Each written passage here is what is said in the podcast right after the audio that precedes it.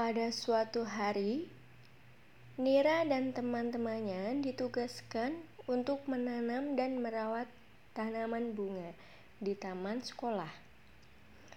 Mereka membeli bibit bunga tersebut di toko bunga milik Pak Aji.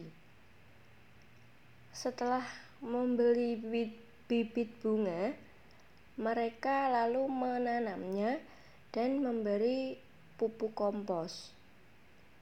Setiap hari, Nira dan teman-temannya selalu memberikan pupuk kompos dan menyiramnya, serta mereka merawat bunga yang ditanam tersebut.